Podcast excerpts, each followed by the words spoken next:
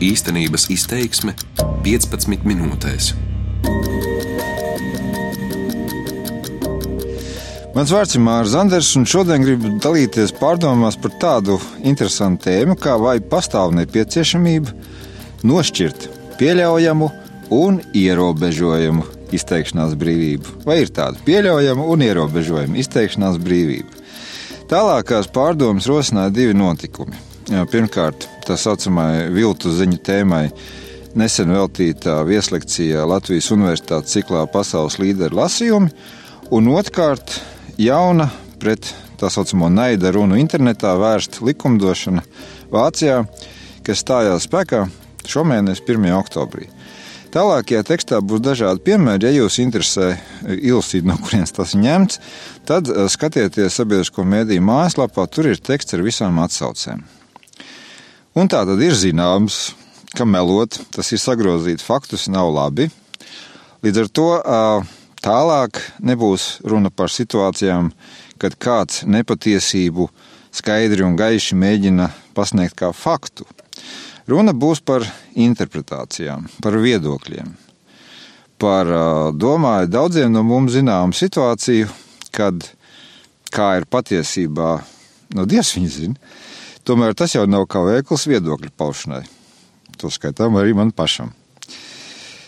Ideja vēstures aprindās, zinātniskajās aprindās ir viedoklis, ka tam, ko šodien gar un plaši apcer kā alternatīvo faktu un pēcpatiesības situāciju. Saknes tam ir meklējamas ietekmīgu franču filozofu darbos pagājušā gadsimta 60. un 80. gados, kuri tad nostiprināja domu, ka, kā saka, viss ir interpretācija. Es nemāku spriest, cik liela ir šo filozofu loma, tomēr nevar noliegt, ka pirmkārt interpretācijai viedoklim tiešām ir liels spēks. Un otrkārt, ka dažkārt visu, kā saka, salikt pa plaukstiņiem, balstoties tikai uz faktiem, arī ir grūti, un interpretācija viedoklis ir nepieciešami.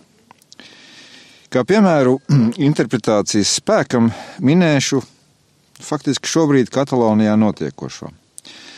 Vietējo neatkarības atbalstītāju referendumu nav noslēpums, ārvalstu līderī komentēt vairās. Savukārt pozitīvi par to izteicies tāds saudabīgs personāžs kā Venecijas prezidents Nikolas Maduro. Nu, tagad jautājums, kā mēs to interpretējam?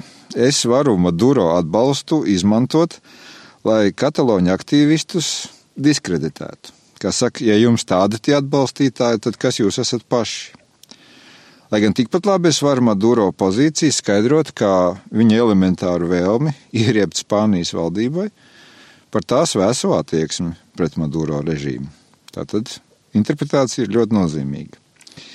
Savukārt, ja mēs runājam par to, ka dažkārt viedoklis interpretācija, ka tie ir neizbēgami, daži piemēri no zinātnes, kā nedaudz eksotisku piemēru var minēt nesenu arheoloģisko atradumu Jeruzalemē, kur aptuveni 4000 gadu senā kapavietā atrasts trauks ar krupjiem bez galvas.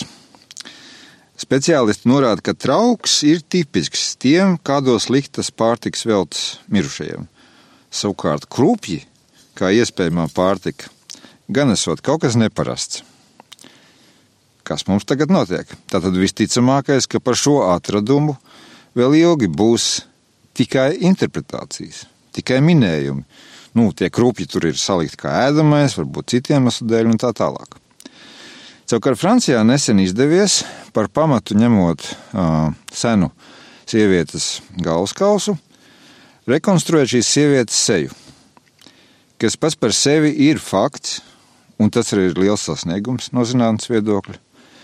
Savukārt tas, kas šī sieviete ir bijusi, vai tiešām Marija Magdalēna, nu, te mēs nonākam līdz interpretācijām. Turklāt ļoti iespējams, ka dažādas interpretācijas saglabāsies vienlīdz spēcīgas, vēl ilgi, jo strīdi tur ir nu, augstos toņos iet. Bet īsakot, es nedomāju, ka interpretācija, subjektīvs viedoklis a priori ir kaut kas zemāk vērtējams par faktu. Tas nav kaut kas slikts. Cita lieta, kā ir pamatot jautāt, kad interpretāciju, viedokli, lai cik ekstravagantu un kādu kaitinošu, drīkst brīvi paust publiski, un kad tomēr jāsāk domāt par kaut kādiem ierobežojumiem. Es, protams, varu formulēt savu subjektīvo viedokli par šo jautājumu. Apmēram pirms mēneša lasīju kādu tekstu par to, ka respektīvi, kādas tik valodas dažādos laikos, un to skaitā joprojām, tiek uzskatīts par tādām, no kurām cēlušās visas pārējās valodas. Izrādās, ka uz šādu statusu dažādu gudrnieku ieskatā var pretendēt ne tikai senēbrieju valoda vai sanskrits, nu, kas tā varētu mums tā pirmie nāk prātā, bet arī somu, basku, tamilu, zviedru, poļu, holandiešu, velsiešu un tā tālāk valodas. Skaidrs, ka absolūtā vairumā gadījumu šie viedokļi ir atvainojiet sviests. Bet vai tie nodara reāli ļaunumu? Nenodara. Un, ja nē, neredz problēmu, ka tādi cirkulē un tiek izplatīti. It kā vienkārši ir reāls ļaunums slikti, tad mēģinām kaut ko varbūt ierobežot, nav reāls ļaunums, nemēģinām.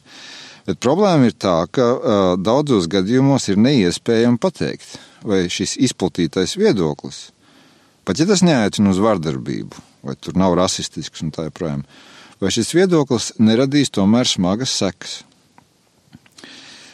Piemēram, domāju, ka nav jāatgādina tās tumsonīgās stulbības, kuras ik viens brīvi var izlasīt par dažādu slimību ārstēšanu ar tā saucamajām netradicionālajām metodēm.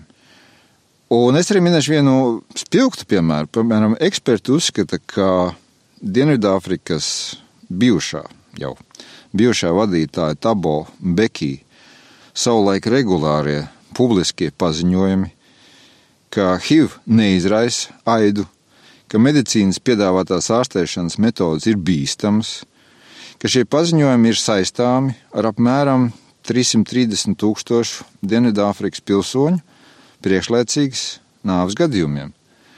Citiem vārdiem sakot, nemaz nevajag naida runu, lai būtu ļoti smagas sekas kaut kāda viedokļa paušanai.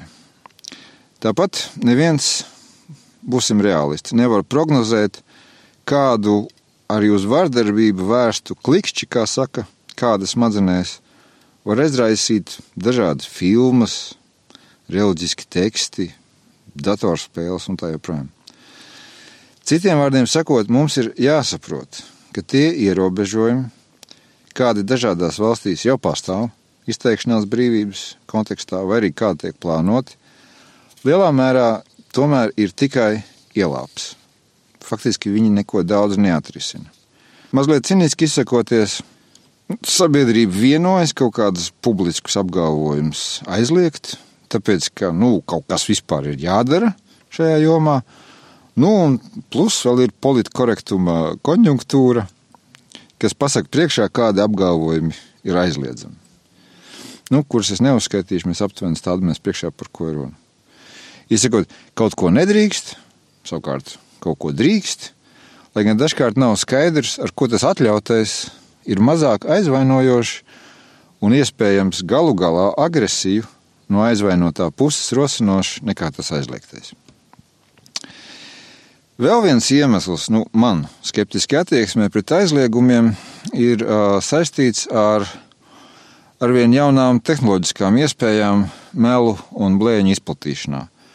Un te es nonāku pie jau pieminētā jaunā likuma Vācijā. Pat abstrahējoties no visu, ko es iepriekš teicu, ka aizlieguma mērķi visbiežāk ir selektīvi un nu, tur tas viss ir diezgan nosacīti. Man nebūtu iebildumu pret būtiski lielākiem sodiem, ar kuriem turpmāk Vācijā būs jārēķinās interneta industrijai, nu, dažādiem portāliem un tā joprojām. Uh, ja tie operatīvi neaizvāks visādas riebeklības. Nu, sodi tur tiešām tagad būs lieli, mērā miljonos. Nav problēma. Bet kā atzīst eksperti, neonacisti un dažādi domāšanas veidā līdzīgi personāži vienkārši pārceļ savu saturu uz, kā saka, tādām jurisdikcijām internetā, kurām ir dziļi nospļauties par rietumu priekšstatiem, ko drīkst un ko nedrīkst publiski teikt.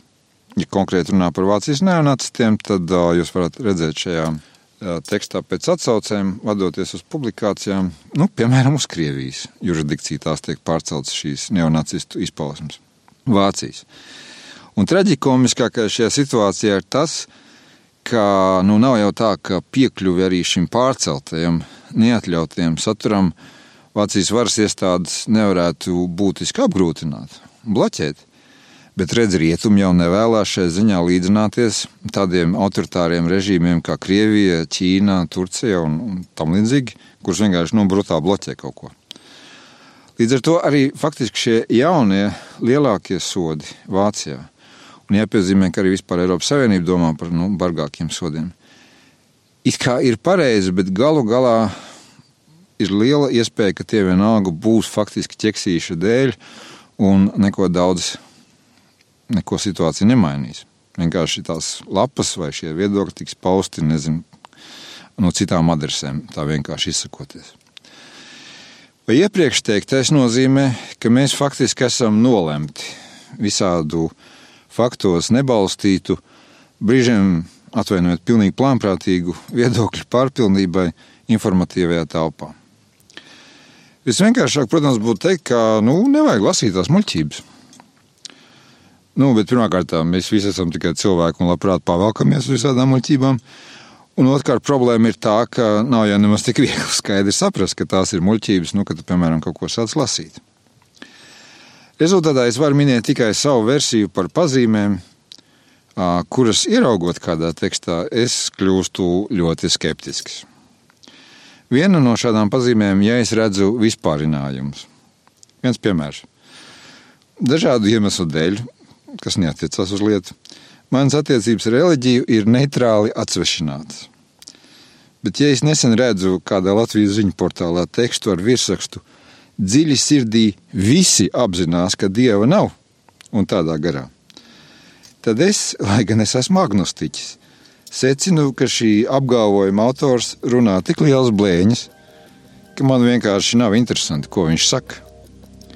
Citiem vārdiem sakot, tāda apgalvojumi, ka visiem zināms, kā visā pasaulē un līdzīgi, liecina, ka mums ir darīšana ar blēņām, iespējams, bīstamām blēņām, un nopaļojoties, aizliegt tās nevar, bet atpazīt tas var.